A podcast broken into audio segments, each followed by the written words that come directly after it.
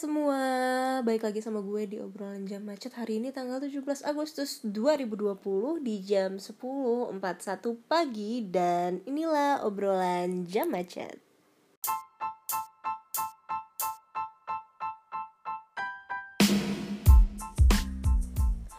Oke, okay.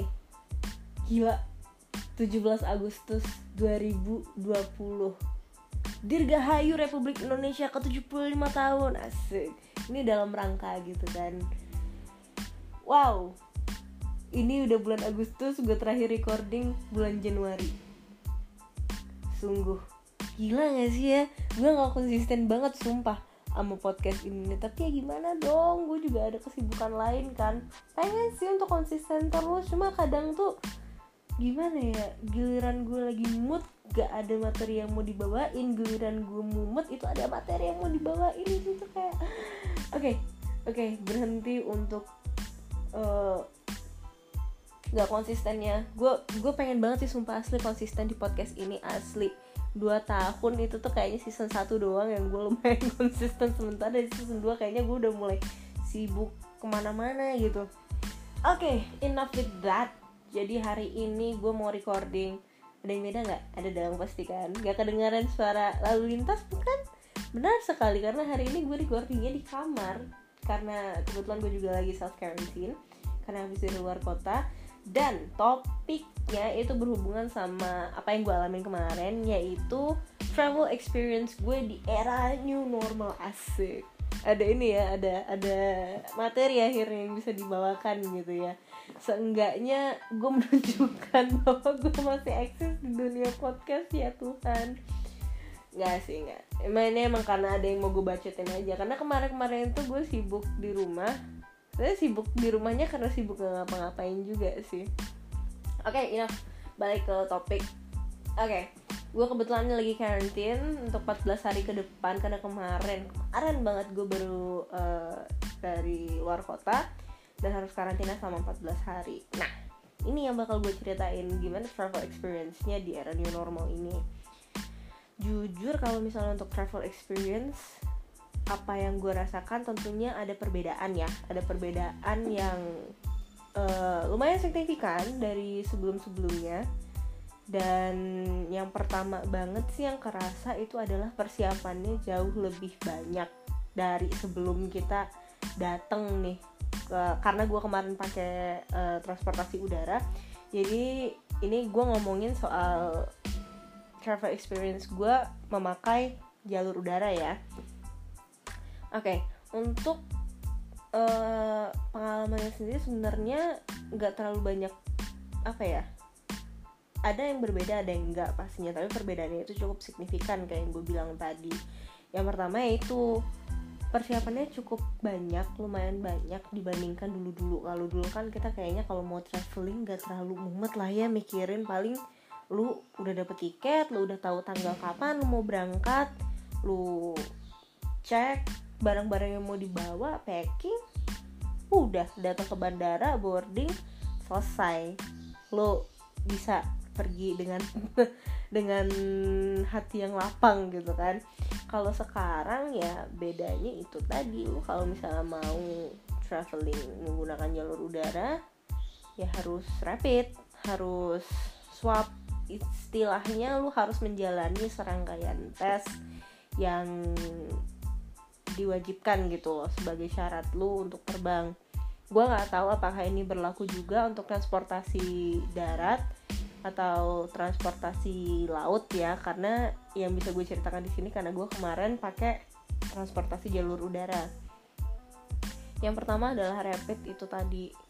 E, minimal sih minimal lu kan harus punya surat keterangan sehat. Nah surat keterangan sehat yang diperoleh itu minimal berbentuk surat e, keterangan rapid test atau swab. Lebih bagusnya sih sebenarnya swab karena itu lebih akurat ya dibandingkan uh, apa namanya rapid. Tapi bukan berarti itu nggak berguna juga gitu. Nah untuk rapid sendiri untuk prosesnya lu bisa datang ke fasilitas kesehatan yang ada di dekat lo yang menawarkan dan memang punya fasilitas untuk menjalani pemeriksaan rapid atau swab. Kalau enggak ya kalau nggak salah sih untuk tempat yang nggak punya fasilitas itu ya maksudnya untuk kota atau daerah yang ini fasilitas kesehatannya ini belum mumpuni nih belum memadai buat uh, menyelenggarakan pemeriksaan rapid atau swab setahu gue lu bisa datang ke salah satu puskesmas di dekat rumah lu dan meminta untuk mereka membuatkan surat keterangan sehat kalau nggak salah. Dan itu kalau mungkin ya pak ya bukan mungkin sih kayaknya pasti akan ditanya-tanya juga sama tenaga kesehatan di puskesmas. Yang jelas kalau misalnya lu berhadapan dengan tenaga kesehatan hal yang paling penting yang lu harus ingat adalah lu jangan bohong. Kalau misalnya punya gejala kayak batuk atau lagi demam atau ya apa pun lah yang ditanyakan ya omongin aja gitu dengan terus terang. Karena sekali lagi itu buat kebaikan lu dan buat kebaikan orang di sekitar lu. Nah balik lagi ke prosedur tes itu tadi ya. Kalau misalnya di daerah lu udah punya fasilitas kesehatan yang bisa mm, mengcover untuk tes swab atau tes rapid minimal lu harus punya surat keterangan rapid test kalau swab bagus lagi lebih bagus lagi. Nah untuk rapid test itu sendiri bisa dilakukan dengan cara datang ke sana dan kalau nggak salah sih sebenarnya beberapa fasilitas kesehatan juga menyediakan fasilitas drive thru jadi lu nggak perlu untuk turun dan masuk ke gedung via mobil aja dan tentunya karena namanya rapid pasti hasil yang didapatkan juga cepat gitu kan. Paling waktu itu gue drive terus sekitar 15 sampai 20 menit kalau nggak salah udah dapet.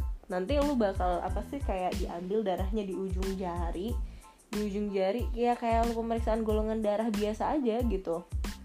Diambil nanti udah ditunjukin sama tenaga kesehatannya. Lu reaktif atau non reaktif kalau lu reaktif biasanya sih akan dilanjutkan dengan tes swab.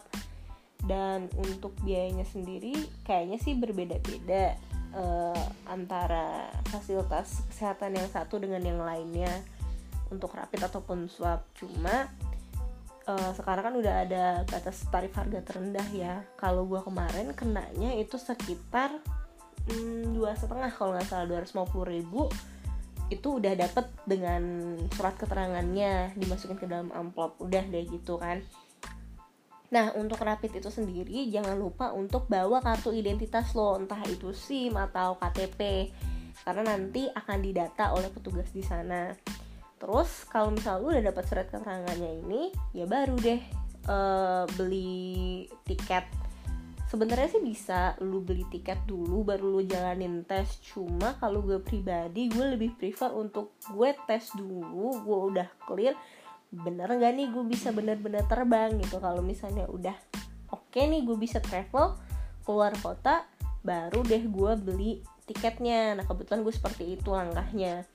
Kalau untuk beli tiket kayaknya nggak perlu dijelasin juga kan kayaknya semua orang juga ngerti lah beli tiket gitu di travel agent langganan lo atau di online pun bisa gitu. Setelah udah dapet tiket ya udah deh.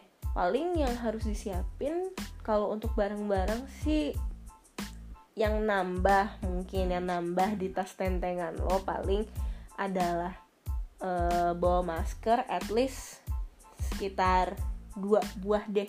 Jadi satu yang lo pakai terus ada satu uh, buat diganti. Karena better kalau misalnya lu jarak perjalanannya durasi perjalanannya kayak lebih dari tiga jam mending pada saat misalnya pada saat lu nunggu nih lu nunggu kan dari jalan ke bandara terus boarding terus uh, selama di perjalanan kan itu misalnya udah udah udah apa namanya udah pakai masker A gitu.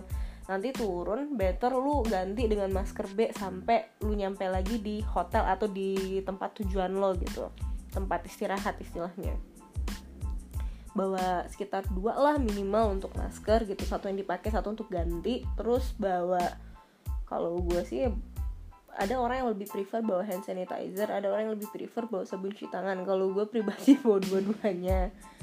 Karena kadang kalau pakai sanitizer itu gue suka apa sih kayak terlalu kering kadang gue ya. Kering dan harumnya itu kurang seger jadi kalau gue lebih prefer untuk bawa dua-duanya. Kalau lagi pengen cepet ya pakai sanitizer kalau misalnya pengen agak sensasi basah-basah dikit gitu kan ya pakainya sabun cuci tangan terus bawa wet wipes juga kalau gue pribadi. Dan karena kita sekarang kan zaman udah pakai hand sanitizer ke mana-mana pakai sabun cuci tangan gitu kan terus terusan nah takut tangan kering better lu sediain juga lotion atau hand cream buat tangan lu jadi tangan lu nggak kering-kering amat gitu kan. Gak gersang-gersang amat lah tangan lu nanti gitu. Apalagi kan di pesawat kan juga udaranya dingin kan dan pasti juga takutnya apa sih tangan lu gitu akan kering juga gitu kan dinginnya itu. Kalau untuk baju sih kayaknya nggak ada yang perlu dipersiapkan kayaknya ya terus perlu bawa face shield atau enggak? Kalau gue pribadi enggak.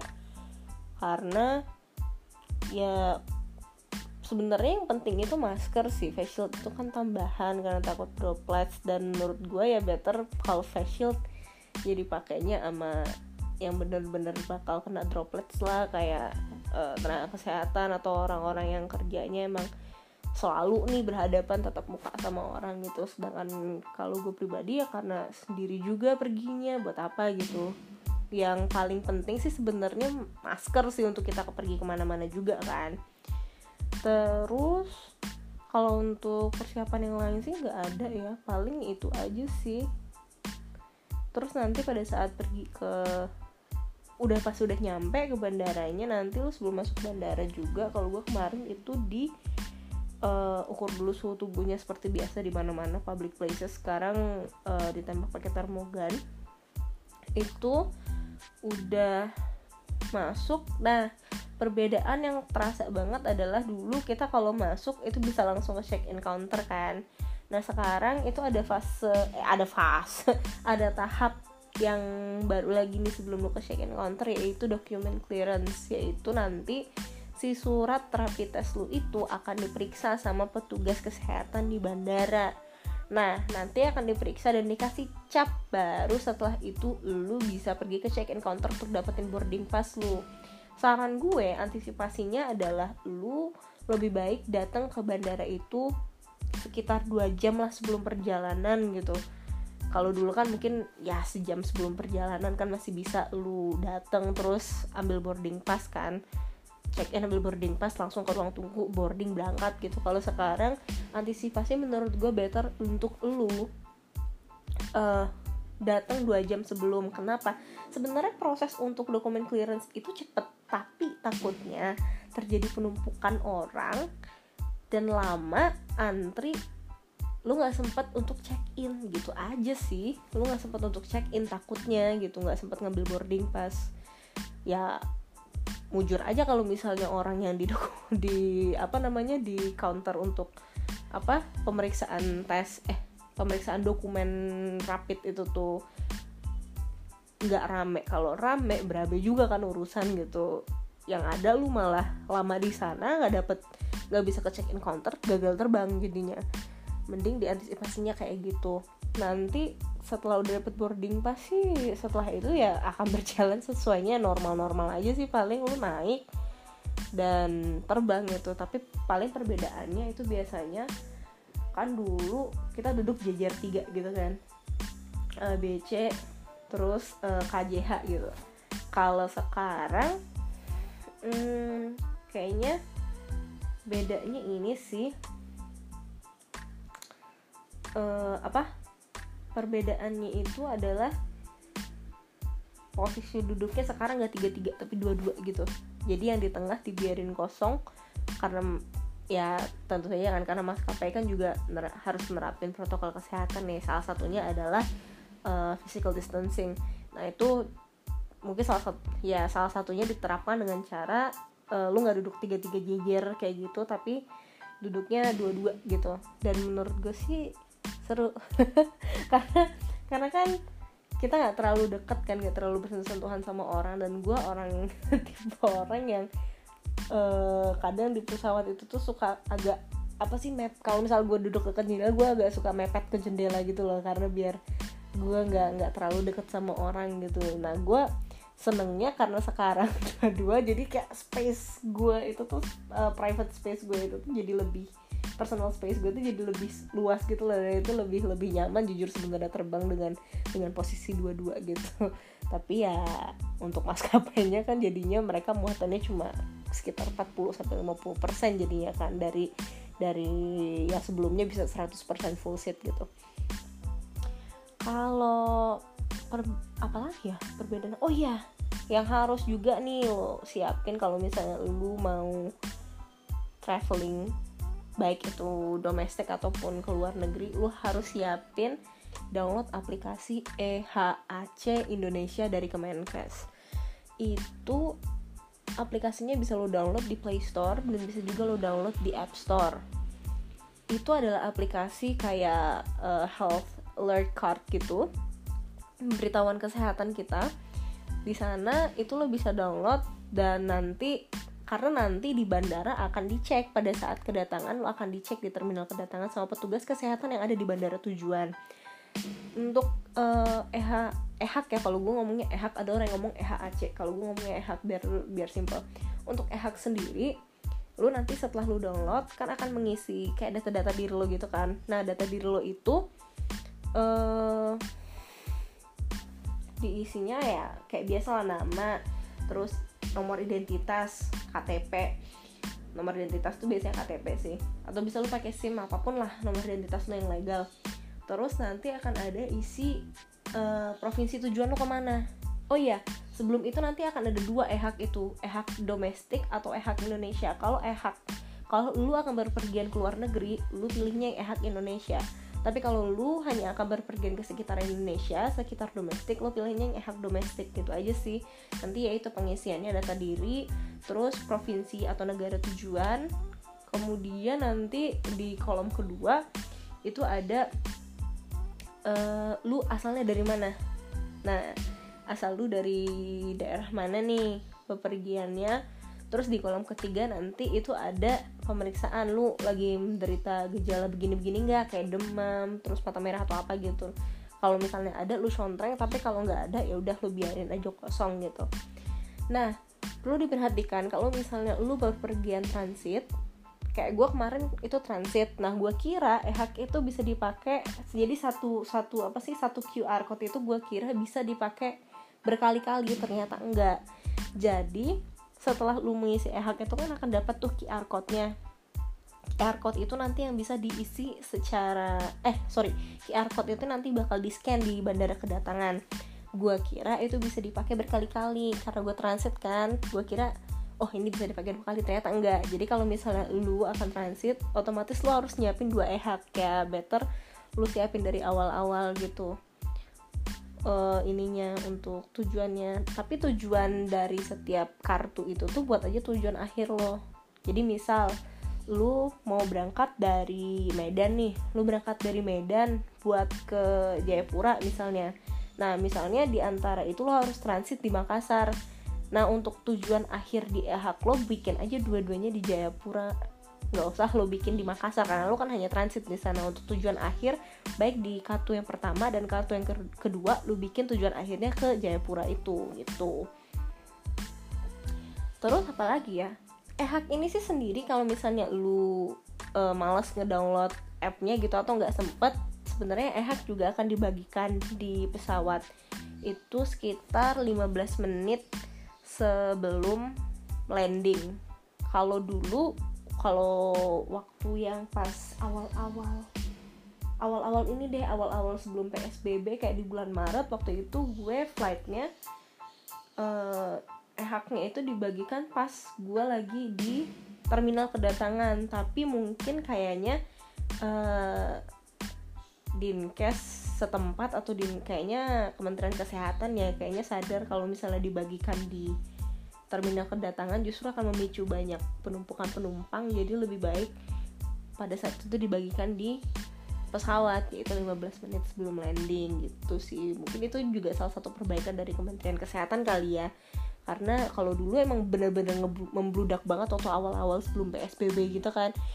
Itu emang membludak banget sebelum sebelum jalur transportasi ditutup. Itu emang kartu kuning itu emang membludak banget. Jadi kayak kayak bener-bener antrinya tuh desak-desakan gitu kan. Belum lagi karena waktu itu mungkin antisipasi orang-orang kan jadi pulang duluan sebelum dilarang gitu.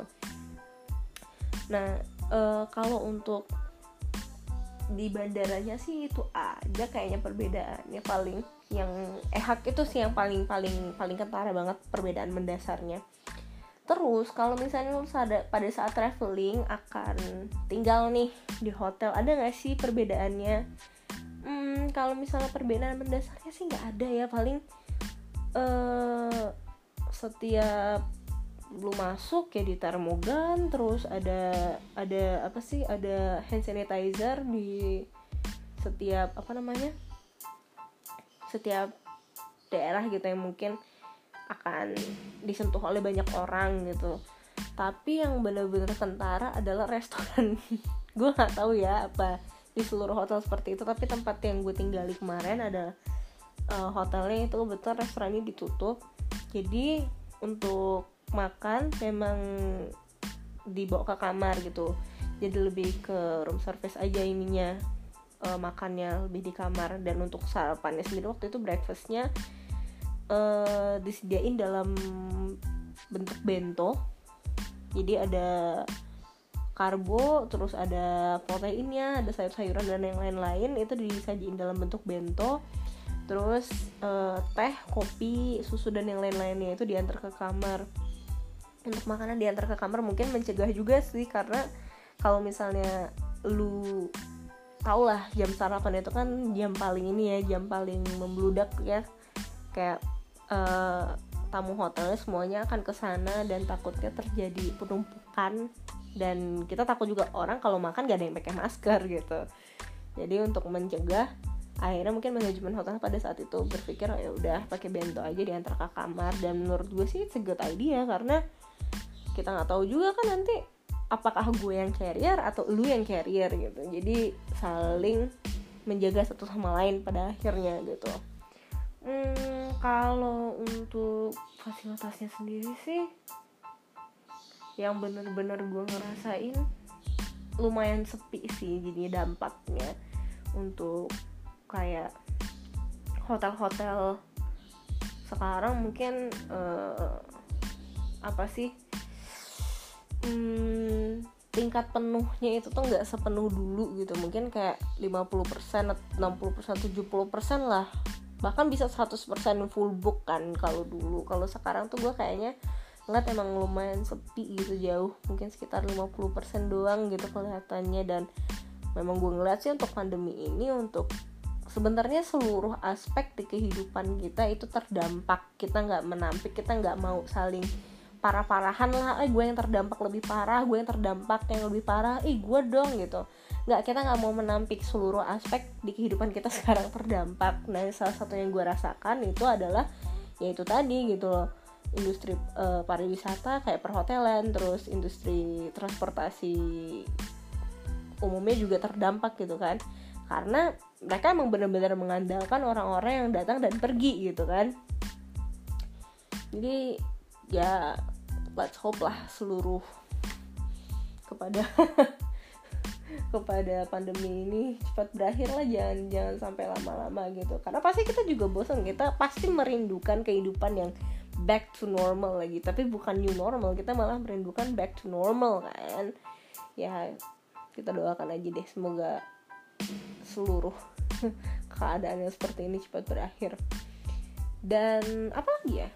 Hmm, kalau stay kemudian A hmm, travel experience selanjutnya adalah lu harus isolasi mandiri 14 hari setelah lu pulang dari tempat tujuan lo setelah liburan setelah uh, kunjungan bisnis atau apa pun gitu lu harus uh, eh, 14 hari self quarantine kayak gue sekarang. Gue harus 14 hari sampai dua minggu lagi nih. Masih harus karantina 14 hari. Nah apa yang harus lo lakukan?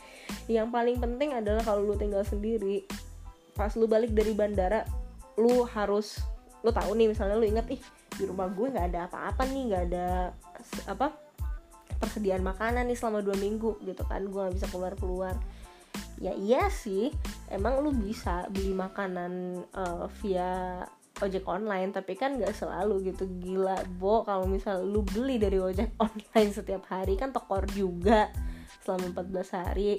Ya mending untuk uh, jaga-jaganya pada saat lu datang nih.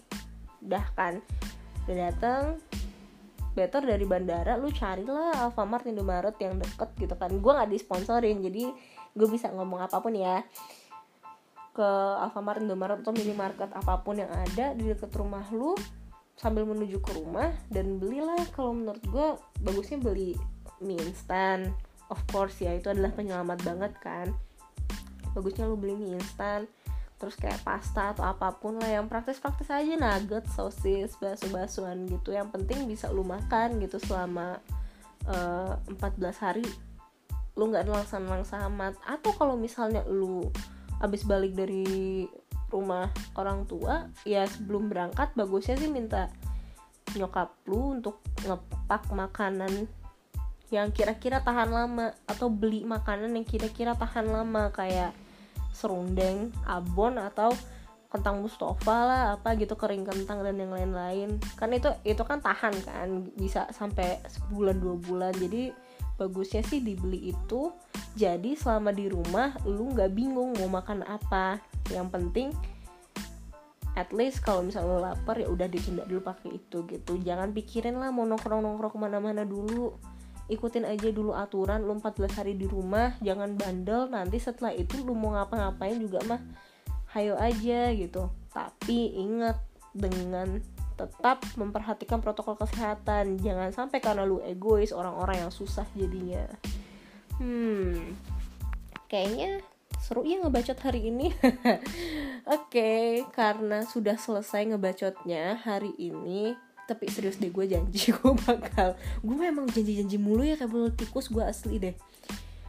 Gue pengen serius gue janji deh gue bakal ini. Aduh gue gerusuk gue di rumah nih. Semoga gue bisa bener-bener latih janji gue untuk terus update ya. At least seminggu sekali atau dua minggu sekali. Karena juga lagi di rumah aja kan selama beberapa hari ini.